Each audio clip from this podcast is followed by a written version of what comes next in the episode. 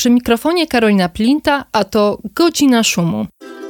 Podcast magazynu Szum poświęcony najciekawszym wydarzeniom na polskiej scenie artystycznej. Magazyn Szum to najważniejsze polskie pismo poświęcone sztuce współczesnej. Już prawie 10 lat komentujemy dla Was najważniejsze wystawy i zjawiska w polskiej sztuce.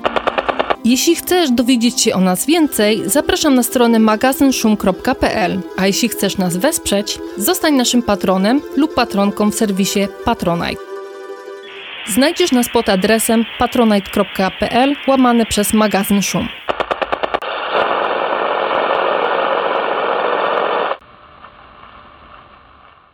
Witam Państwa, to 97 odcinek Godziny Szumu. Tym razem e, mam dwójkę gości.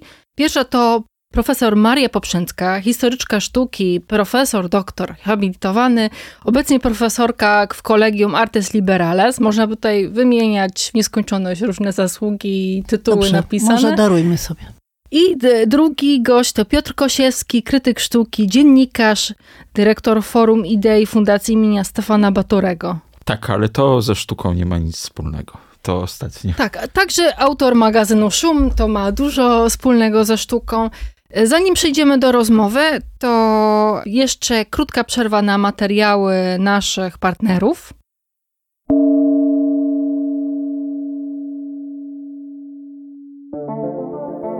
Centrum Rzeźby Polskiej w Orońsku zaprasza na wystawę Dani Karawan Artysta Obywatel.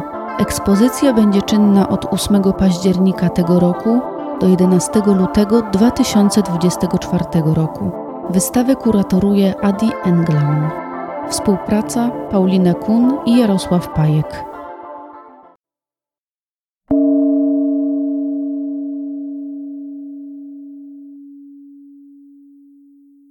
Witam po przerwie. Przypomnę, jest ze mną profesor Maria Poprzęcka oraz Piotr Kosiewski, a będziemy rozmawiać o wielkich ideach, wielkich mistrzach i ich naśladowcach. Ostatnio mm, gruchnęła wieść, że Ignacy Czwartos e, będzie reprezentował Polskę na Biennale Wenecji e, w 2024 roku. Ta e, jego wystawa będzie miała tytuł Polskie ćwiczenia z tragiczności świata między Niemcami a Rosją. Informacja o tym nie jest oficjalna, ale no raczej jest to przesądzone, bo wypłynął list części komisji, która zgłosiła votum separatum do tej decyzji. No i kuratorem tej wystawy ma być Piotr Bernatowicz. I pierwsze pytanie do Was, e, drodzy, droga gościni, drogi gościu. Co sądzicie o tej nominacji? Jak e, potraktować e, Ignacego Czwartosa jako reprezentanta Polski? No ja bym się, zważywszy na to, kto jest kuratorem i kto jest ministrem, jak wygląda w tej chwili polityka kulturalna, zwłaszcza w tym, co wychodzi na zewnątrz oficjalnie, prawda? To bym się zdziwiła, gdyby to był jakiś inny wybór. Ignacy to już wielokrotnie mieliśmy okazję się przekonać, zarówno na wystawach w Zamku Ujazdowskim, już wtedy, kiedy dyrektorem instytucji był Piotr Bernatowicz, jak i potem po wystawie w Zachęcie, że jest to artysta, no dawniej się używało obraźliwego, nie chcę używać tego słowa, ale przypominam, że taki jest artysta reżimowy. To znaczy artysta, który wypełnia oczekiwania, oczekiwania władzy, która decyduje o tym, kto będzie Polskę reprezentował w Wenecji. Natomiast znając dosyć dobrze Biennale w Wenecji, to ja tak bardzo się tym nie przejmuję. To po prostu będzie niezauważone. Znaczy ja też uważam, że jeżeli chodzi o samą, o samą obecność Czwartosa w Wenecji, to, to, to, jest pewien, to jest strata, jeżeli chodzi o polską sztukę i możliwość prezentacji polskiej sztuki. Natomiast dla samej Wenecji, a również dla hierarchii jakichkolwiek artystycznych, nie tylko w wymiarze międzynarodowym polskim, ta wystawa nie będzie miała kompletnie znac żadnego znaczenia. Też uważam, że to jest bardzo oczywisty wybór. Trochę bym się posprzeczał, na ile on realizuje, sam malarz realizuje zamówienia, a na ile jakby tu się spotkały jego oczekiwania, to co on tworzy, jego poglądy z poglądami rządzących. A więc ja bym tak prosto, łatwo koniunkturalizmu nie, nie zarzucał. Uważam, że e, niestety Czwartos pokazuje pewne postawy, poglądy, które stały się poglądami dominującymi w tym, co można nazwać szeroko polskimi środowiskami prawicowymi czy konserwatywnymi.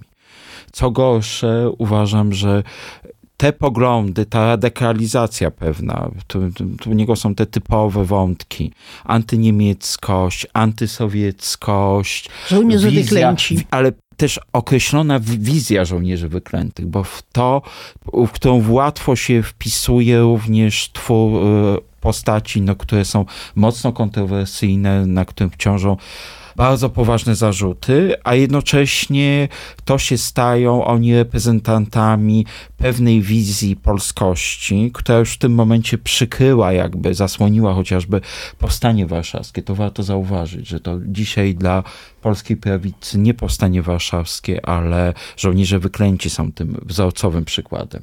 To już zresztą było widoczne, to przesunięcie punktu ciężkości y, kilka lat temu, wtedy, kiedy było dużo pieniędzy w związku z stuleciem niepodległości.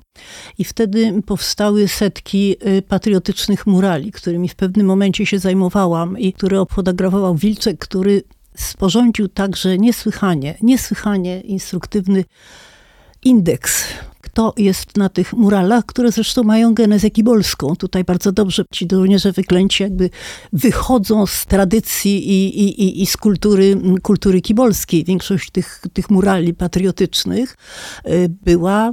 Czwartos też je fascynuje, jakby była jest głosem kiboli. Inspiro, inspirowana, nie wiem, nie chcę mówić finansowana, bo tam sprawy finansowane to jest jeszcze zupełnie co innego, ale w każdym razie to jakby wychodziło prosto z kultury kibolskiej i Czwartos w jasny sposób, otwarty, prawda? Także widzi jakby kontynuację zarówno pewnego etosu żołnierzy wyklętych, jak i także pewnych cech sarmackich, sarmackich e, w tym, co reprezentuje Czwartos. Natomiast dla mnie tutaj to, o czym mówił przed chwilą Piotr Kosiewski, Także jest pewnym problemem, bo e, ja tego malarza znam od dawna i on y, się zmienił. Y, miałam przyjemność i zaszczyt reprodukować jego obraz w swojej książce. Obraz, który przedstawiał czterech malarzy z jego najbliższego otoczenia, trzymających takie banery y, z czarnym kwadratem na białym tle. Obraz był zatytułowany Porozmawiajmy o Malewiczu. Obraz jest przed kilkunastu lat. Mi się wydaje, że w tej chwili Czwartos na pewno nie ma nic do powiedzenia o Malewiczu. Ale na jego wystawie w Zachęcie, która była nie tak dawno temu, bo ona była od lutego do maja, e, Malarz klęczał jak malował. Kuratorem był oczywiście Piotr Bernatowicz i Janusz Janowski, taka spółka.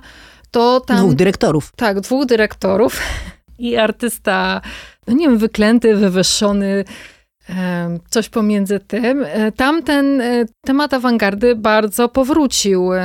Też Malewicz, ale i Rotko, i Nowosielski, Wrublewski, on się fascynuje tymi e, klasykami awangardy i się w nich wpisuje, maluje ich, jak oni, nie wiem, leżą, tacy trochę nieżywi już, ale obsesyjnie wręcz.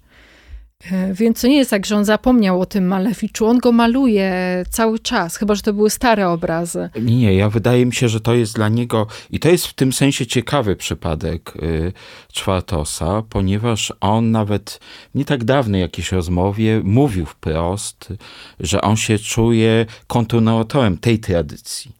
Więc to jest też taki pewien, pewna rodzaj nowoczesności czy awangardy, która została jakby ugrzeczniona i pozbawiona tego całego no znaczy takiego jądra, y, które budziło właśnie awangardowości, to znaczy niezgody. To jest taka Awangard... nowoczesność uładzona. Awangarda i... ma w swoim DNA sprzeciw. Tak. I bunt.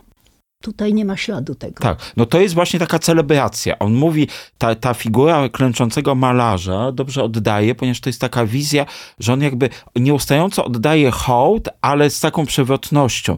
Ja oddaję hołd, ich czczę, więc należę do tego samego y, kręgu, to znaczy jestem kolejnym następcą i wydaje mi się, że odbiór tej wystawy i w ogóle to spotkanie tych dwóch dyrektorów jako tych dwóch kuratorów było też bardzo ciekawe, ponieważ jakby w pewnym sensie czwartość pogodził dwie, y, dwa ważne nurty, które obecni rządzący próbują je dowartościować i polityka ministra Glińskiego. Znaczy z jednej strony nurt takiej sztuki, która jest taką celebracją formy, to wszystko, co ten, ta, te wystawy, które organizuje pan Janowski w Zachęcie, które nawiązują do takiej sztuki, nawet w sposobie opisu, która ma siebie, jakby formy nieustająco podziwiać i podziwiać i powtarzać itp.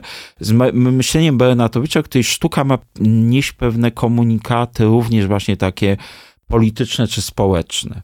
Więc y, czwartość jest trochę obrotowy, bo on jakby jednych i drugich zadowala. No, no mnie się wydaje, że właśnie to jest w tej chwili tam najistotniejsze, że właśnie wszystkich chce się, wszystkich chce się zadawalać, w związku z tym no zadawala się tylko tą jedną stronę, która w tej chwili ma, że tak powiem, moc decyzyjną. I ku niej jednak skłaniamy się bardziej. Mm, ciekawi mnie, jakbyście ocenili e, Czwartosa nie tylko pod takim kątem ideologicznym, co on chce osiągnąć, ale e, jakby z jakich tradycji czerpie, bo też to trochę wiemy, ale taki finalny produkt, jakim jest to malarstwo. Czy to jest coś mm, ciekawego, czy jaką to ma wartość jako malarstwo? Ja tutaj bym użyła starego słowa eklektyzm. Znaczy właśnie to, o czym przed chwilą była mowa, że tutaj chcemy zadowolić i tych, którzy jeszcze ciągle siedzą myśleniem w awangardzie, tej dwudziestowiecznej awangardzie, przypominam, sprzed lat stu. Więc to też nie jest żadne nowe malarstwo, ani, ani sztuka mhm. współczesna. E, Jaki chce zadowolić właśnie tę władzę, która go wyśle do, do Wenecji jako reprezentanta sztuki polskiej w 2024 roku i że to jest i że rezultatem takiej, takiej postawy właśnie, że każdemu trochę, prawda, e, jest tylko eklektyzm. No, to, to, to są źródła eklektyzmu. Tak, to znaczy ja myśl, myślę, że on nawet zadawala jakby też oczekiwania takiej publiczności, która jest trochę niegotowa albo nie, niechętna albo bojąca się kolejnych zmian. Ja z fascynacją czytałem teksty niektórych historyków sztuki. Wydaje mi się, że on jest idealnym malarzem dla pewnego grona historyków sztuki, którzy jakby nigdy nie oswoili się z tym, że sztuka się zmienia i jest nowa. Jednocześnie on jeszcze sięga do jednej tradycji, która w różnych środowiskach również inteligenckich e, cieszy się jakimś takim niebywałą atencją, to znaczy do sztuki ikony poprzez y, Nowosielskiego. I no i tą taką płaskość. Płaskość, tak. I, I to jest rzecz, która wydaje mi się, że jest właśnie takim, czwarto jest takim trochę spełnieniem oczekiwań, jak powinna sztuka wyglądać, gdyby połączyć wszystkie rozmaite nuty, taki trochę shake zrobić z tego. Nawet ten kolor taki szaro-brunatno-bury. Nie, no ale historycznie rzecz biorąc, no to jest właśnie ta sama metoda, prawda? Rysunek Rafaela, mm. kolory Tycjana i tak dalej. Od każdego coś, żeby było ładnie. Zresztą, Żeby można było też się podpisać pod nimi wszystkimi. No i on jeszcze jedną opanował rzecz, to znaczy taką, y, stworzył taką manierę, która jest łatwo rozpoznawalna. To już to było dobrze widać na innej wystawie, która była w tym roku, y, która prezentowała Czwartosa jego rodzinę. To było poniekąd fascynujące doświadczenie. W Galerii Prześwit. W Galerii no. Prześwit, ponieważ mm, nawet kuratorka tej wystawy, tak y, chyba to nie miało być ironicznie, y, napisała zdanie, w którym powiedziała, że jest problem z rozpoznaniem, czy jest czyje.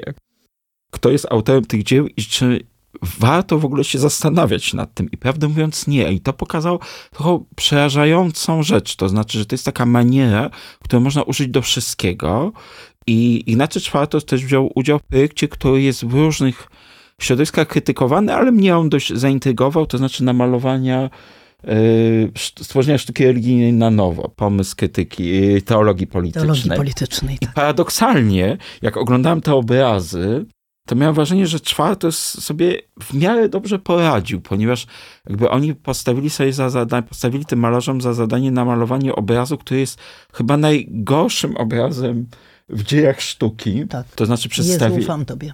Y, tak, Jezu, ufam tobie, który narzuca olbrzymie rygory i w tym momencie czwarto z tą swoją taką manierą ikoniczną się świetnie wpisał. To znaczy po prostu namalował taki obraz, no, który jest trochę bardziej kulturalnym obrazem niż większość yy, naśladownic czy sam oryginał. Natomiast jest on. Lepiej sobie poradził niż Modzelewski, który też się starał. Tak, i to jest ciekawe, że to jest właściwie taki modus malarski, który można teraz namalować wszystko. Jak będzie potrzeba, nie wiem, meczu kibolskiego. To, I to jest dla mnie ciekawe jeszcze jedno właśnie takie y, zawłaszczenie, ponieważ Czwartos bardzo podkreśla, że jest kibicem i wpisuje się w taką narrację też polityczną, która przeciwstawia kibiców, tych zwolenników sportu, e, elitom, które jakoby nie, jakoby to nie interesuje, co jest absolutnie, absolutnie fikcją kompletną, ponieważ jeżeli się pójdzie na mecz jakikolwiek, to tam się zobaczy klasę średnią, która się nie utożsamia z kibolstwem. To jest takie kolejne zawłaszczenie, które jest bardzo wygodne również dla obecnej władzy, która jakby otworzyła i otoczyła pewną opieką te środowiska kibolskie, nie biorąc pod uwagę całkowicie zarówno ideologicznych treści, które te środowiska jakby hołdują, jak i rozmaitych różnych rzeczy, które są za tymi środowiskami również w świecie przestępczym. No, dla mnie tutaj to, co mówiłam na początku, to jest prosta droga. E, czy właściwie takie jedno tylko ogniwo, nie więcej ogniw, jedno ogniwo, które łączy środowiska kibolskie i żołnierzy wyklętych e, i murali z żołnierzami wyklętymi. Tutaj w tym wszystkim siedzi nasz reprezentant. No tak, który ma też liczną rodzinę. Teraz w Zamku Ujazdowskim w Project Roomie jest jakaś kolejna Ewa Czwartos chyba, ktoś z rodziny. Nawet ostatnio widziałam takie konto na Instagramie, postał Benkart Czwartosa. To z takich ciekawostek. E, ale nie wiem, kim jest realnie ta osoba. Ale to już może jest dowcip. To już jest może dowcip. No ale też taki na temat rodzinności tych wszystkich połączeń. Natomiast ja bym podrążyła ten temat y, nowego malarstwa religijnego, no bo mm, Czwartos y, nie jest jedynym, który próbuje. No i teraz mamy w Zachęcie też taką próbkę malarstwa religijnego w trzech odsłonach. Mi chodzi o wystawę łacińskiej figuracje, gdzie bierze udział Tadeusz Boruta, Antoni Cygan, y, swoją drogą były rektor ASP w Katowicach i Piotr Nawilajko a wystawę kuratoruje Janusz Janowski. Jak poszłam na tą wystawę, to miałam takie Miałam poczucie, że jest to rodzaj manifestu też ze strony kurat czy dyrektora. Tak, mnie się wydaje, że to jest taka pierwsza wystawa, w której dyrektor Janowski naprawdę pokazał siebie i, tego, i to, o co mu chodzi, prawda? Że zeszłoroczna zachęta to jeszcze ciągle były pozostałości różnych projektów, które powstały za dyrektury Hanny Wróblewskiej. To były te projekty takie jak Joanny Kordiak, czy jeszcze przedtem y, Natalii Romik, że to, to jeszcze ciągle on musiał odcierpieć, prawda? To, co już, co już było w trakcie przygotowania i w co już były zaangażowane pieniądze i ludzi i tak dalej. Natomiast tutaj nareszcie on jest sobą. Nawet, nawet ta wystawa Czwartosa, moim zdaniem, nie była aż takim manifestem, bo z czym tutaj mamy do czynienia? Otóż w najważniejszej polskiej przestrzeni, która ma pokazywać sztukę współczesną, w jej najbardziej reprezentacyjnych miejscach, to znaczy na tym piano nobile Zachęty. Sala Matejkowska. Starej, starej, sala Matejkowska, sala Narutowicza. Otóż cały ten najbardziej moim zdaniem i chyba nie tylko moim, prestiżowe, to najbardziej prestiżowe miejsce, w którym pokazuje się sztukę z polską współczesną, zostało oddane trzem artystom, których bardzo wiele łączy. To znaczy oni są, przede wszystkim to są panowie. Poza tym to jest zbliżone pokolenie. To są tacy panowie, nazwijmy to delikatnie, w sile wieku. E, wszyscy dużo produkują, nauczają. To jest też dla mnie bardzo ważnym elementem. No i wszyscy, tak jak różnią się bardzo w swoich językach malarskich, uprawiają malarstwo tradycyjne, warsztatowo, to znaczy oleje na płótnie albo, albo akryle na płótnie, ale w każdym razie to najbardziej tradycyjną technikę malarską. E, wszyscy uprawiają malarstwo figuralne, o czym zresztą mówi nam, e, nam tytuł. I wszyscy do tego, co robią, posługują się kamuflażem w postaci różnego rodzaju tytułów nawiązujących do wątków biblijnych, ewangelicznych czy dewocyjnych. I to jest dla mnie bardzo poważnym nadużyciem. Oczywiście ta wystawa jest taka, że łatwo, szybko i przyjemnie można by napisać pamflet, wyszydzić, wydrwić, ale dla mnie sprawa jest poważna. Właśnie ze względu na to, że to jest manifestacyjna wystawa, która zajęła te najbardziej prestiżowe w Polsce miejsca, jakich pokazywana jest sztuka, sztuka współczesna. Otóż przy wszystkich różnicach, które są pomiędzy tymi panami, prawda, wszędzie jest ten pretekst czy kamuflaż religijny. I co ten kamuflaż kryje? Kryje malarstwo o wyraźnie homoseksualnym charakterze. Jedna z tych z części tej wystawy naprawdę, jeśli by się weszło bez żadnego uprzedzenia, można by sądzić, że się znaleźliśmy e, w, na wystawie gejowskiej. E, że kryje różnego rodzaju takie erotyczne ciągotki, że kryje także właśnie jakieś biuściki, jakieś pośladki kobiece, że wreszcie kryje rzecz może tutaj najgorszą, to znaczy takie upodobanie do eksponowania sadyzmu i okrucieństwa. Tutaj przede wszystkim myślę o tej straszliwej zupełnie drodze krzyżowej, która wisi właśnie w tym najbardziej prestiżowym polskim miejscu, to znaczy w sali Matejkowskiej, na tej najważniejszej, najważniejszej sali. Więc wydaje mi się, że w kraju, w którym została zlikwidowana galeria sztuki XX wieku, dlatego że kogoś obraziła Natalia LL, pokazująca modelkę jedzącą banana mamy do czynienia z pokazywaniem rzeczy, które powinny być, przynajmniej niektóre, opatrzone właśnie etykietą, że to jest dla dorosłych. Ja nie chcę tutaj wymieniać ani nazwisk, yy, ani poszczególnych dzieł.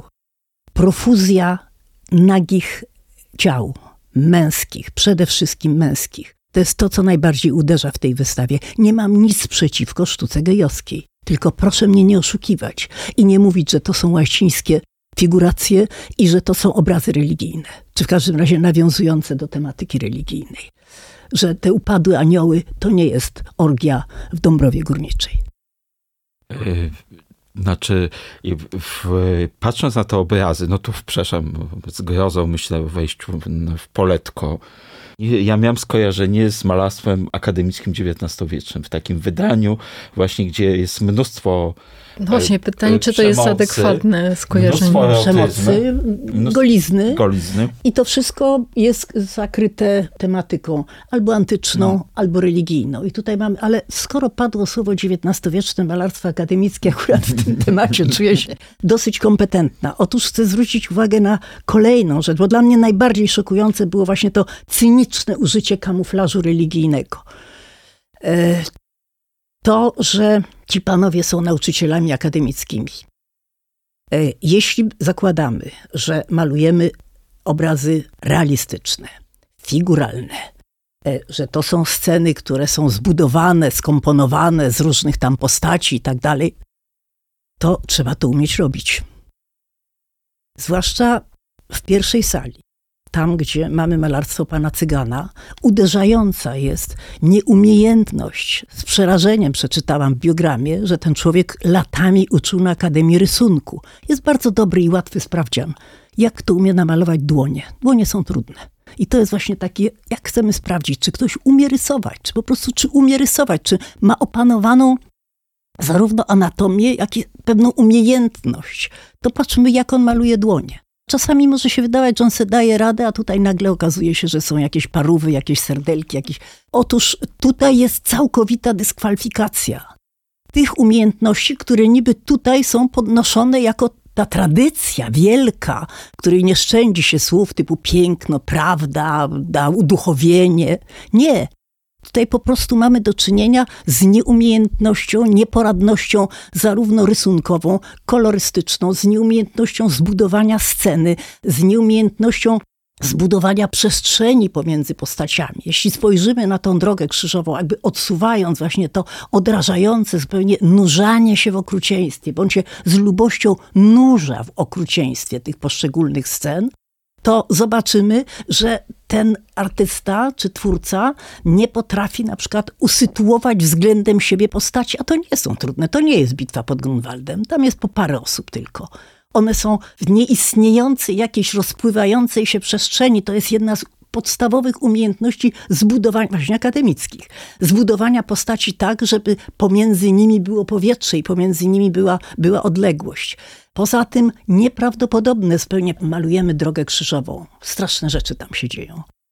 Nie umiemy zróżnicować ekspresji twarzy. Tam wszyscy w gruncie rzeczy mają ten sam wyraz twarzy. Okropny, ale taki sam. Poza tym nie radzimy sobie z zakomponowaniem całej sceny i zostają jakieś takie całkiem spore połacie płótna, które po prostu czymś się zamazuje, bo trzeba jakoś to tam, prawda, nie sposób zostawić. To, jak mówię, stosuje tutaj bardzo rzetelne, najprostsze kryteria XIX-wiecznego balarstwa, które wymagało umiejętności rysunku, umiejętności budowania iluzji przestrzennej, umiejętności różnicowania, różnicowania ekspresji, umiejętności różnicowania gestykulacji, która jest także jednym z elementem budowania ekspresji. Wtedy cały czas mówię, że jesteśmy w konwencji XIX-wiecznego realizmu który tutaj niby jest przywołany jako ten model, do którego wracamy i który ma uzdrowić chorą, zdegenerowaną, zepsutą sztukę współczesną. Przed chwilą wysłuchaliśmy dekapitacji y, tego malarstwa, ale y, y, zwrócę uwagę jeszcze na, na to, że właśnie odwołanie się do tej tradycji, wejście w to pole, które oni próbują zagospodarować, tak. czyli przywrócenia dawnych klasycznych, powiedzmy klasycznych zasad malarstwa, pokazuje właśnie słabość i naiwność tej twórczości. Ale ja nie będę, nie, nawet nie ośmielę się wejść dalej na to pole, tylko zwrócę uwagę po na... Po prostu, to dwa, trzeba umieć. To trzeba, ale to zwrócę jeszcze na umieć, dwa, podkreślę jeszcze dwa aspekty i dwa słowa, które tu, sformułowania, które tu padły. Raz, świat akademicki, świat uczelni i drugie, rola i funkcja zachęty. Dla mnie uderzające jest w tym programie i w tym, i zachęta to właściwie pokazuje obecnie wystawy. To, co się stało w polskiej sztuce, to znaczy istnienie dwóch odrębnych obiegów. Obiegu hiera i hierarchii akademickich. Właśnie, tu mamy do czynienia z profesorami ważnych uczelni, i, e, które rządziły się, rządzą całkowicie inną hierarchią wartości w sztuce i tego, co jest ważne, niż to, te hierarchie, które obowiązują powiedzmy w świecie, który jest ustanowiony przez świat krytyków, historyków sztuki zajmujących się współczesnością, rynku sztuki, ważnych instytucji również międzynarodowych. I wydaje mi się, że to, co próbuje zrobić y, pan Janowski, ale nie tylko on, pan Bernatowicz to samo w Łodzi, to jest przesunięcie tych hierarchii ze świata akademickiego do zderzenia z tym światem hierarchii, który się ukształtował w ostatnim trzydziestoleciu. Moim zdaniem niewiele z tego wynika i niewiele wyniknie, natomiast następstwem tego jest to, że instytucje publiczne, które otrzymało, o, o, otrzymał pan Janowski czy pan Bernatowicz, momentalnie tracą swoje znaczenie. Słuchając pani profesor, miałem takie poczucie, że y, jest mowa o świecie, który minął. Znaczy, ja już sam zaczynam mieć poczucie, że zachęta przestaje być jakimkolwiek miejscem, które znaczy Y, w tworzonej aktualnie sztuce. Tak samo jak przestał takie miejsce mieć Zamek Ujazdowski, czy bardzo wiele instytucji publicznych. To jest bardzo poważna zmiana, która być może będzie miała dużo większe konsekwencje niż rządy pana Bernatowicza czy pana Janowskiego. Y, tutaj zresztą to zostało zauważone, że mm, ten upadek tych najważniejszych instytucji publicznych sprawił, że to zresztą nie jest jedyny powód, ale może najważniejszy. Niesłychanie zyskały galerie prywatne, te komercyjne. Masę się dzieje. No, dość spojrzeć na program e, Warsaw Gallery Weekend, prawda? Jak to jest fantastycznie rozwijająca się impreza, a jest to impreza przecież jednak komercyjna. To są komercyjne galerie. W związku z tym, jakby w tej chwili mainstreamem sztuki współczesne jest to, co się dzieje w prywatnych galeriach. Cieszmy się, ale pamiętajmy o tym, że to są galerie komercyjne. Nie ma nic złego w rynku sztuki, ale trzeba o tym pamiętać. Natomiast państwowe instytucje, wielkie państwowe instytucje sztuki miały dbać i mają dbać o to, żeby sztuka nie była sprowadzona tylko do rynku i do galerii. Tam miały być podejmowane ważne wystawy, ważne problemowe kwestie i nagle tego zabrakło. Tego zabrakło. Sztuka nie znosi próżni, więc właśnie miejsce zajęły galerie, galerie prywatne, e, które kwitną od kilku lat właśnie także trochę kosztem tych instytucji państwowych. Tylko to, że instytucje państwowe straciły swoje znaczenie, straciły swój prestiż, y, no prędzej czy później spowoduje bardzo poważną lukę. Bo właśnie wszystko zostanie zredukowane do tego, co dzieje się w galeriach, y, w galeriach komercyjnych. Natomiast ja jeszcze jako osoba długo i, żyjąca i pamiętająca różne rzeczy, które ludziom 20 czy nawet 30-letnim mogą być nieznane, chcę przypomnieć jedno wydarzenie. Trochę nawiązując do tego, co mówił przed chwilą Piotr Kosiewski. Otóż niespełna 20 lat temu, w roku 2006-2007, mieliśmy do czynienia z takim ekscesem takim ekscesem, który został przez pewne środowiska, zwłaszcza środ, takie konserwatywne środowisko gdańskie artystyczne. Nie, że całe środowisko gdańskie jest konserwatywne, broń Boże, Gdańsk jest fantastyczny. Ale ono zostało potraktowane serio. Mianowicie Muzeum Narodowym w Gdańsku, Muzeum Narodowym, właśnie w instytucji państwowej, e, miała miejsce wystawa, która była wystawą importowaną i nazywała się Nowi Dawni Mistrzowie. Wokół tej wystawy został rozbudowany bardzo spory marketing. Co więcej, do Warszawy czy do Polski przyjechał wtedy rzeczywiście jeden z bardzo liczących się amerykańskich, amerykańskich krytyków sztuki, Donald Caspit, e, który w tamtych czasach, nie wiem co się z niej dzieje w tej chwili, nawet nie wiem czy żyje, dokonał bardzo dziwnej wolty, ponieważ to był bardzo liczący się krytyk związany przede wszystkim ze sztuką konceptualną. Otóż nagle, nie chcę wnikać w to z jakichś powodów, Donald Caspit y, wyprodukował książkę, którą zresztą Narodowe Centrum Kultury bardzo gorliwie natychmiast przetłumaczyło i opublikowało. To się nazywało Koniec Sztuki. I był to jeden w ogóle taki dramatyczny lament, ale w bardzo takim paszkwilanckim tonie utrzymany, dotyczący sztuki, sztuki współczesnej i jej upadku. I jako remedium na ten upadek sztuki współczesnej Rzecz się dzieje niespełna 20 lat temu, ale jakby argumentacja jest taka, jaką teraz słyszymy ze strony obecnych decydentów i tych właśnie decydujących o sprawie dyrektorów. Otóż to właśnie ma, mieli być nowi, dawni mistrzowie. Nawiązanie do dawnej sztuki. I taką sztukę pokazywano na tej niesławnej wystawie, wystawie w Gdańsku.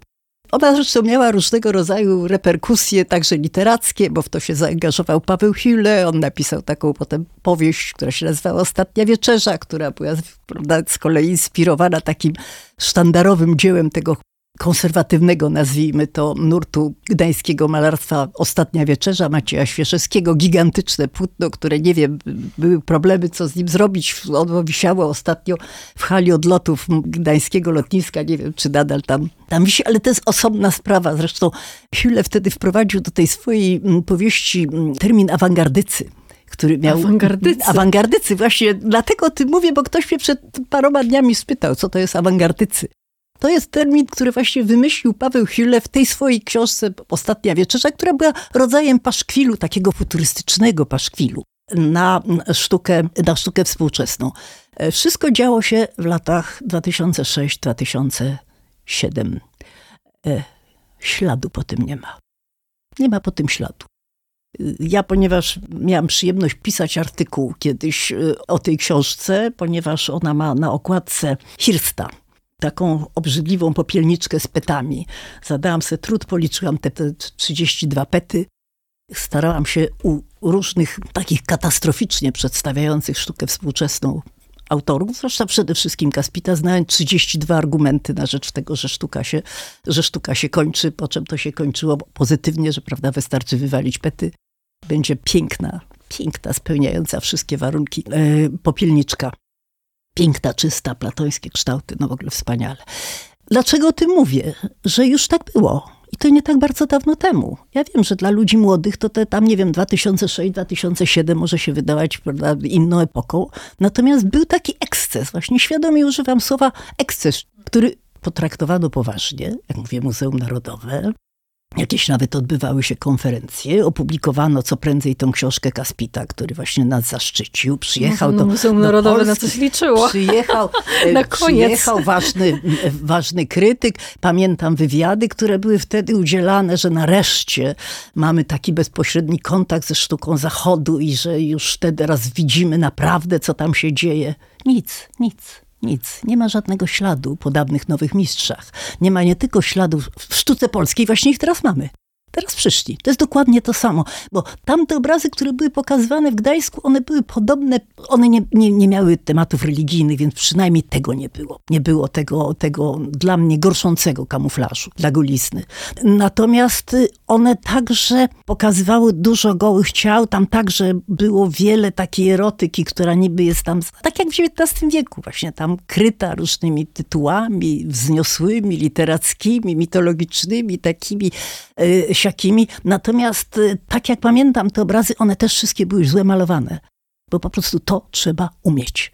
To jeszcze umieją czasami malarze, którzy byli wykształceni niedawno w Petersburgu czy w Kijowie. Tamte akademie, rosyjskie akademie, jeszcze dlatego oni teraz byli zatrudnieni do malowania tych obrazów do chłopów, bo oni potrafią. Natomiast y, dlatego o tym przypominam, bo mówię, analogia jest uderzająca. Tylko, że wtedy jakby ten eksces nie znalazł żadnego podglebia, w którym by się mógł zakorzenić. W tej chwili tak. No teraz już chwili, jest tak, podglebie. Jak najbardziej. Znaczy, nawet y, y, powiedziałbym ostrzej, znalazł instytucjonalne podglebie, tak. bo wtedy nie było instytucjonalnego podglebia. Ten przykład Kaspita jest interesujący, ponieważ on miał ambicje, to rzeczywiście był bardzo ciekawy krytyk, miał taką ambicję, zmienienia w ogóle hierarchii e, w zachodniej sztuce, również w, na rynku sztuki. I zaangażował swój olbrzymi kapitał symboliczny, który miał i który totalnie roztwonił. To znaczy, rzeczywiście tego malarstwa nie ma. Natomiast to, co jest dzisiaj, to jest znaczy, właśnie... Nie wiemy, bo może ono gdzieś tam na rynku w pasie biblijnym chodzi. No. Chodzi, ale jakby nie zmieniło to, no znaczy nie, nie, nie widać tego malarstwa na żadnych wielkich targach, wielkich muzeach, tam gdzie się tworzą Y, prawdziwe ustanawiają hierarchię. A to miała być wielka dobra zmiana. Wielka dobra zmiana. Natomiast to, co dzisiaj się, się stało i właśnie to więdnięcie znaczenia instytucji publicznych może mieć olbrzymie znaczenie, zwłaszcza dla młodego pokolenia, również dla pokolenia starszego. Y, tuż przywołam taką ciekawą uwagę. Ostatnio rozmawiałem z Kamilą Bonda, szefującą Fundacji ING i ona zwróciła uwagę na pewną zmianę, którą zaobserwowała, prowadząc program Artysta Zawodowy. Otóż przed jeszcze paroma laty bardzo wielu artystów funkcjonowało, mogło funkcjonować, funkcjonowało właśnie dzięki istnieniu silnych instytucji publicznych, które dawały możliwości, y, nie wiem, rezydencji, tworzenia prac, stypendiów. Także pewnych prze... programów tak, takich artystyczno-badawczych, one były bardzo tak. ważne. I Takie to, badawczo, badawczo-artystyczne. I to dawało miejsce na twórczość, która nie dawała, nie pozwalała się łatwo skomercjalizować, przede wszystkim na sztukę wideo, nowe media, rozmaite tego typu działania. Dzisiaj, jak ona obserwuje, to jest pewien przykład kiedy ma do czynienia z młodymi artystami, to oni już nie mają takiej szansy. Jedyna możliwa droga to jest wejście w system rynkowy, szukania miejsca i, i właściwie pogłębiania dominacji malarstwa które dzisiaj jest. Zachęcie malarstwo w galeriach malarstwo. malarstwo. Więc jakby to może mieć dużo większe następstwa dla sztuki niż próba dowartościowania pana Boruty i innych, no którzy zresztą paradoksalnie z kolei w latach 80. no byli, ten zestaw jest ciekawy, bo jeden z nich był dowartościowywany w obiegu, Od początku. w obiegu właśnie nie, kościelno-niezależnym, drugi był przypominam, dowartościowywany w obiegu oficjalnym. To jego promowała między innymi sztuka, pismo sztuka, które wtedy w latach 80. się ukazywało.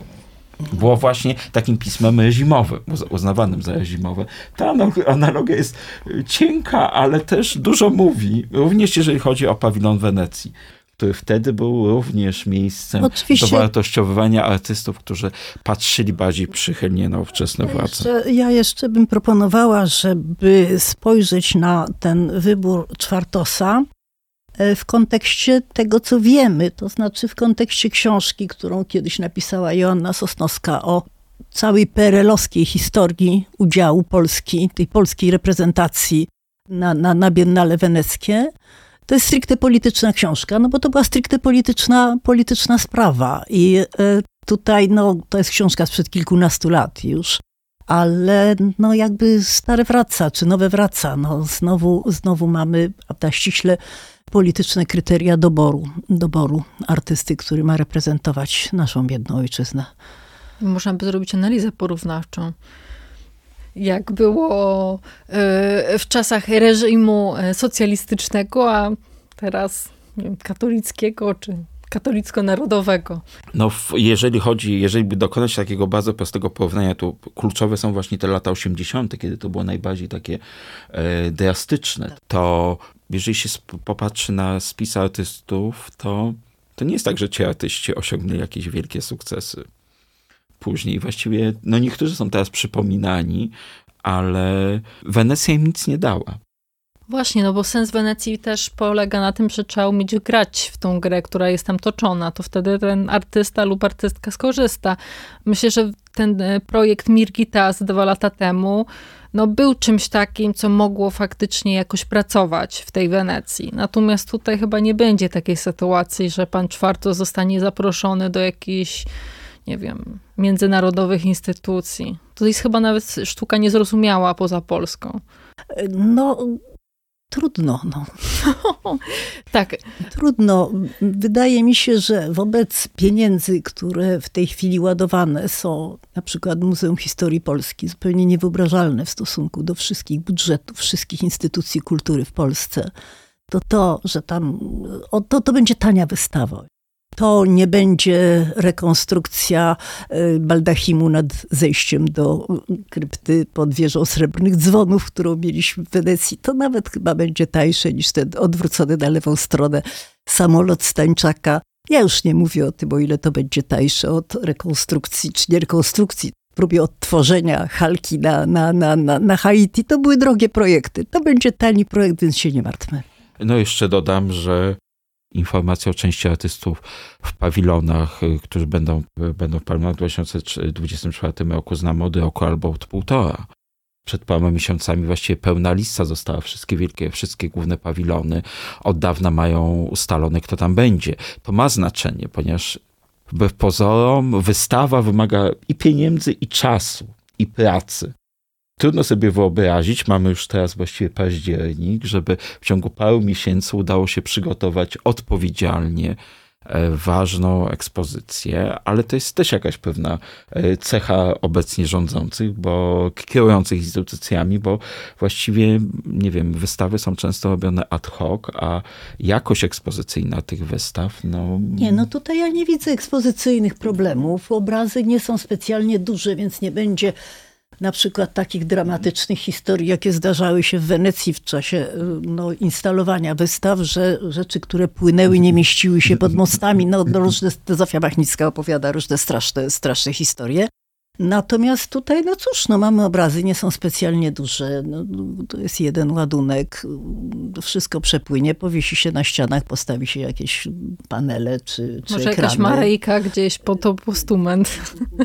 Można szaliki jeszcze powiesić kibolskie, żeby coś było takiego no, interesującego i frapującego w publiczność i, i, i już. To jest naprawdę bardzo łatwy do realizacji projekt. No nieporównanie łatwiejszy niż to wszystko, co było w Wenecji, w polskim pawilonie no, na przestrzeni ostatnich powiedzmy, kilkunastu czy dwudziestu lat. Tak, tylko mnie, mnie, dla mnie to jest uderzające. To znaczy to, że jakby jednym z, jakby z osiągnięć tego polskich instytucji publicznych było stworzenie jakichś procedur, a również pewnej kultury organizacyjnej które oczywiście w przypadku Wenecji, no wiemy, że zawsze polski pawilon był dość późno ogłaszany, wyniki konkursów, to te, ten machin, machina u nas nie działała, ale stworzono pewną kulturę pracy. Mam wrażenie, że teraz między innymi to jest niszczone. Niszczone są dobre obyczaje, niszczone są też takie zasady właśnie, e, właśnie to, co obecnie obserwujemy, to jest w pewnym sensie karykatura wyobrażeń tych wszystkich osób, które krytykowały świat sztuki instytucjonalny, czy który powstał w ostatnim dwudziestoparoleciu. To znaczy takie przekonanie, że jest jakaś grupka ludzi, którzy rządzą. Teraz właściwie mamy pięć czy sześć osób, które pojawiają się w rozmaitych konfiguracjach, które stanowią taką, znaczy właśnie takie karykaturalne wyobrażenie rojeń pani redaktor Małkowskiej i innych. Ja jako nauczycielka dorzucę jeszcze jedną rzecz, mianowicie, że te instytucje, no, zostańmy przy przykładzie najważniejszym, to znaczy Zachęta i CSW, miały znakomite działy edukacyjne, zwłaszcza Zachęta. E, które no, wychowywały własną publiczność dla tych instytucji i ją wychowały. Teraz ta publiczność wychowana dla tych instytucji nie ma tam po co chodzić. I to jest ogromna strata. E, z zachęty odeszła. Praktycznie wszyscy, jeśli chodzi o dział edukacji. Cała, cała ekipa działu, działu edukacji, no bo nie wyobrażam sobie, aby te osoby mogły szczerze i z przekonaniem opowiadać o y, obrazach, które w tej chwili w zachęcie y, wiszą pod mnie gorszącym tytułem, bo kłamliwym, łacińskie figuracje. I to jest, to jest jedna jakby z, jeszcze z bardzo takich trudnych spraw związanych z tą degradacją dużych, ważnych instytucji publicznych, które mają promować, y, pokazywać, uczyć, o sztuce współczesnej. To znaczy edukacja przestała, przestała istnieć. No tak, no to jest z jednej strony taka praca na tym materiale artystycznym, wybór no, zupełnie nowych rzeczy i zmiana jakościowa, ale też zmiana jakościowa pracy tych instytucji. Ich jakby roli, tego co teraz, no nie wiem, może powiedzmy, że Zachęta jest przede wszystkim miejscem do wiszenia tych obrazów. Tam niewiele więcej się dzieje. Nie, bo y, Akurat y, Piotr Bernatowicz jest fachowym y, kuratorem, więc tam to wygląda trochę inaczej. Natomiast ja chcę podkreślić jeszcze jedną różnicę, która może jest tylko różnicą słowa, ale chcę wytłumaczyć, co za tą różnicą się kryje. Mianowicie różnica między wystawą a pokazem. Otóż pokaz to jest właśnie powieszenie, powieszenie obrazów albo postawienie rzeźb na postumentach jakiegoś artysty, pracę z lat od do.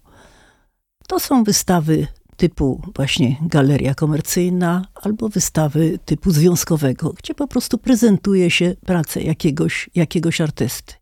I to są pokazy. Natomiast przez wystawę, i to, tego nas nauczyły te ambitne instytucje, że wystawa to jest coś, co podejmuje jakiś istotny problem, albo społeczny, albo artystyczny, że się to przygotowuje przez kilka lat, że towarzyszą temu nie tylko tak zwane imprezy towarzyszące, bo to jest w tej chwili oczywiste, ale że temu towarzyszą także sympozja, seminaria, y, konferencje naukowe, że stajemy wobec problemów bardzo istotnych, takich jak na przykład żydowskie kryjówki pokazane przez Natalię Romik, czy utopijne projekty edukacyjne, właśnie wychowania przez sztukę, to co pokazywała Joanna Kordiak na swojej wystawie Drugiej Wiosny nie będzie. I to była chyba pożegnalna wystawa, jaką żeśmy w Zachęcie, w Zachęcie oglądali. Tutaj właśnie jakby organizacja, praca nad tego rodzaju wystawami, która jest pracą kilkuletnią, która wymaga różnego rodzaju fachowców, która wymaga dopraszania czasami ekspertów i specjalistów, to wszystko zdaje się nie istnieje w ogóle jakby w horyzoncie myślenia o instytucji takich dyrektorów jak, jak pan Janowski. Dla niego to są przestrzenie, w których można powiesić obrazy i postawić rzeźby i napisać, że to są artyści, którzy od swojej wczesnej młodości walczyli z reżimem komunistycznym, bo tak o jednym z nich jest napisane to jest jedna, znaczy być, być, może to jest jedna właśnie z kluczowych zmian, to znaczy y, zmienienie optyki patrzenia na funkcję tych instytucji. Jak, jeżeli się czyta, ja, jeżeli w, nawet w lekturach programów, ale też w praktyce działania, to dotyczy właśnie zachęty, w części chyba coraz bardziej też Muzeum Sztuki w Łodzi. Znaczy, to jest kompletne przesunięcie funkcji na funkcję obsługiwania artystów. Tam w ogóle nie ma publiczności w programie pana Bernatowicza, e, przepraszam, pana Biernackiego w ogóle edukacja, chyba się ani słowo edukacja się nie pojawia. problemy naukowe, czy kwestie opracowywania, to też jest margines. To mają instytucje, które służą artystom w prezentacji ich, nie wiem, ich dorobku, ich docenienia. I jest jeszcze jedna rzecz uderzająca, co odróżnia obie te instytucje od Zamku Ujazdowskiego prowadzonego przez pana Bernatowicza, to jest też skupienie się na polskości. To znaczy, tam nie ma w ogóle świata. W programie pana w Muzeum Sztuki były wspomniane wystawy artystów, czy konfrontacje z, ze sztuką nie stworzoną w Polsce, ale w praktyce tego nie ma i w dalszych wystawach też nie. W Zachęcie, Zachęta jest skupiona całkowicie na Polsce, to jest skupienie na obsługiwaniu pewnego środowiska, pewnego towarzystwa, o tak bym powiedział. Tak, no związkowego. Związkowego, związkowego które było marginalizowane przez dotychczasowe tak. E, kierownictwa tych, tych instytucji. Możemy sobie zadać ból i na przykład e, przypomnieć sobie, jakich artystów oglądaliśmy w CSW dzięki pracy Mileny Ślezińskiej, Milady Ślezińskiej. Właściwie jest, byliśmy courant tego, co się, co się dzieje w świecie. Przypominam, że w Zachęcie były naprawdę piekielnie trudne realizacyjnie wystawy takie jak Kusamy, gdzie przecież do jednej z sal napuszczono wody, czy e, Serry, którego trzeba było przez okno wciągać, bo był za ciężki i się nie mieścił na żadnych, e, na żadnych e, schodach, czy wielka, wspaniała wystawa Louise Bourgeois. Idziemy po największych, najbardziej znanych nazwiskach światowej sztuki. W tej chwili mamy panów profesorów z Katowic, z całym szacunkiem dla tego miasta. Niestety nie umiejących malować. No tak, to w tym w takim teraz ujęciu widzę, że ten Zamek Ujazdowski wypada chyba najlepiej, no bo tam są przynajmniej pokazy artystów e, z, nie tylko z Polski, ale tutaj też mała, malarz północy od Nerdun, chiński artysta Badui Kao, Klaura Kler, e, która jest taką e, powiedzmy feministką wykluczoną, czyli terwką. Towarzystwo z całego świata. Bo to jest całkiem inny pomysł i całkiem inna idea, trochę bliższa tej, temu pomysłowi kiedyś, które próbowano właśnie Kaspit zrobić w Gdańsku. To znaczy skupienia takich artystów i krytyków, którzy gdzieś poczuli się, czują się wykluczeni z takiego mocnego przyspieszenia nowoczesności. Taka próba zwrotu konserwatywnego, która miała miejsce i ma w wielu krajach i tu Bernatowicz próbuje jakby stworzyć taki rodzaj międzynarodówki, stworzenie takiego przyczółka miejsca w Polsce, w którym taka y, sztuka i taki namysł nad sztuką będzie obecny. Dla mnie no, rzecz zaskakująca, która jest też w pewnym sensie pewną pewnym problemem, który dobrze pokazuje pułapki tego myślenia. Otóż, jeżeli się popatrzy na nazwiska, zwłaszcza kuratorów, którzy teraz odgrywają role zagranicznych, czy krytyków, które są tam promowani, nie jest przypadkiem to, że dwaj główni byli związani, pisali w, na łamach Russia Today. Ten zwrot konserwatywny miał jakby dobrze go obsługiwało myślenie Rosji putinowskiej, ideologii putinowskiej.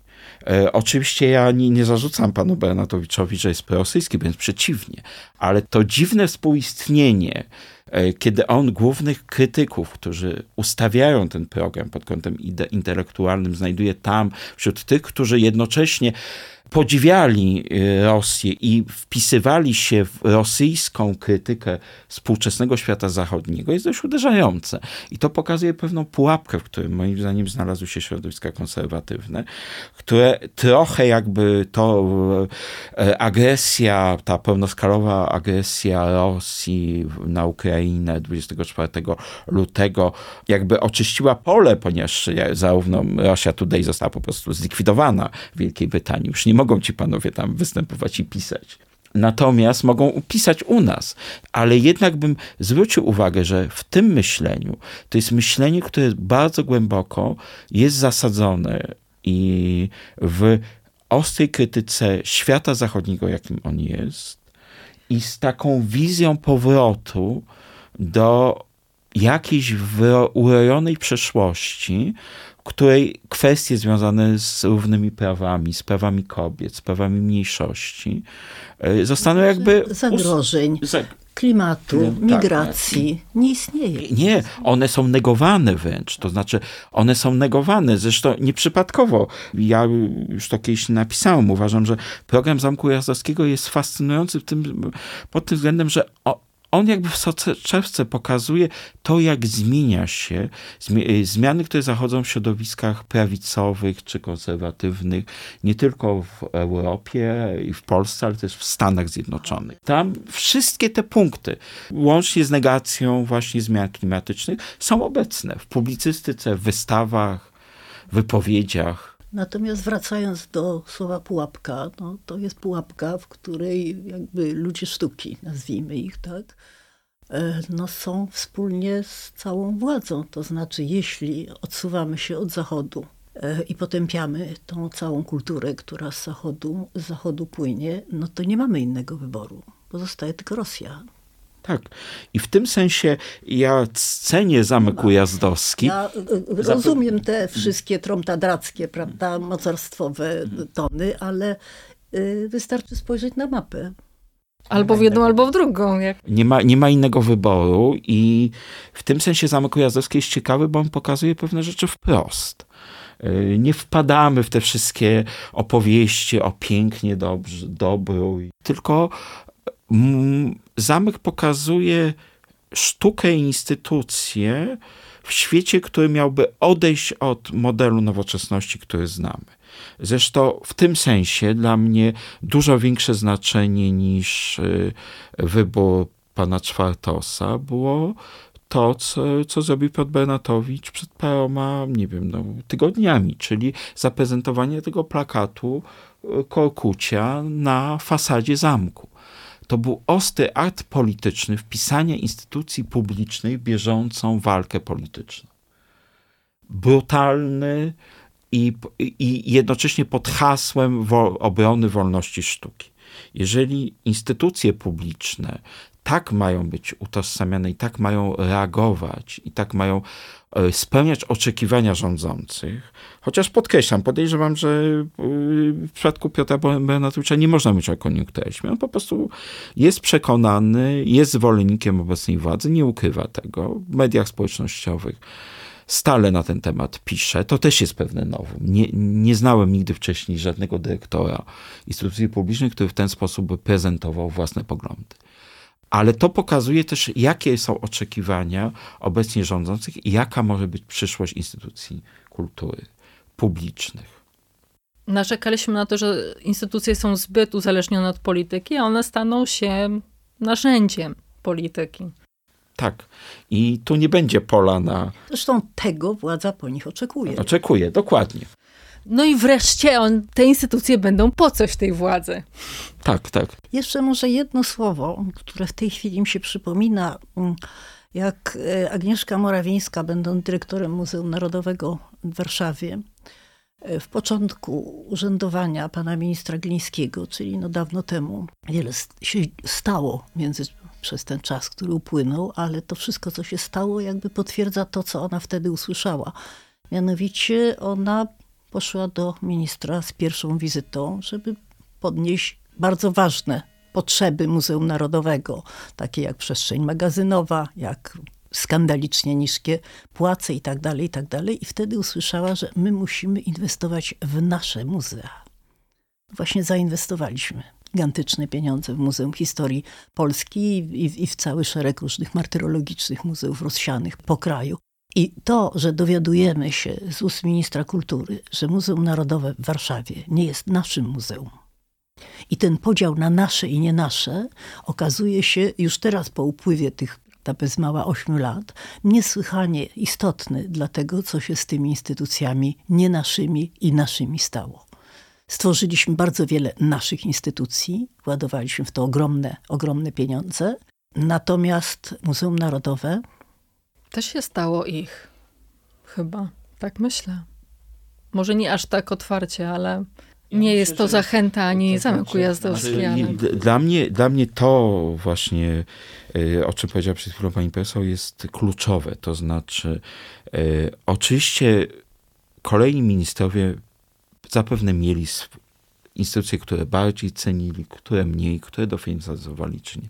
Natomiast ostentacja ministra Glińskiego, to, że on złamał pewne takie niepisane zasady, że właśnie nie ma naszych i waszych w przekazie publicznym, że się mityguje, że się, że władza ogranicza albo przynajmniej nawet próbuje maskować pewne swoje oczekiwania, powoduje, że nawet jeżeli dojdzie do zmiany władzy, teraz czy za parę lat, będziemy w bardzo trudnej sytuacji, ponieważ same instytucje nauczyły się, wypracowały, boję się, że pewne narzędzia koniunkturalnych postaw, a również pokazały politykom, obecna władza pokazała politykom każdej opcji narzędzia i możliwości, z jakich można korzystać.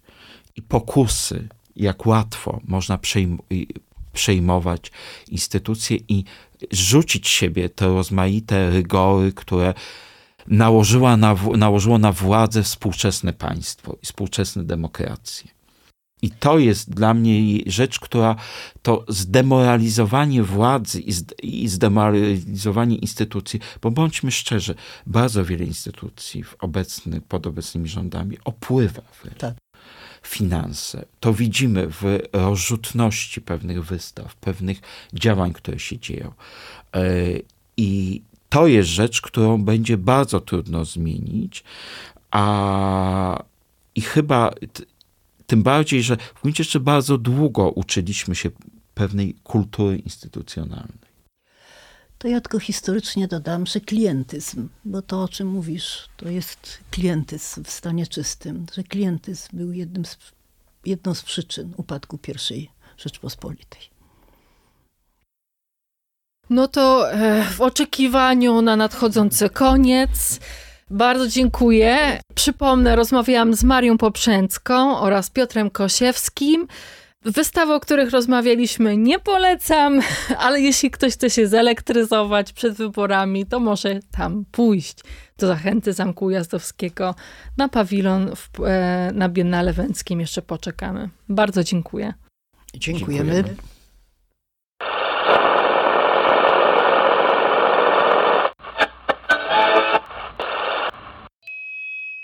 Dziękuję za wysłuchanie kolejnego odcinka podcastu Godzina Szumu.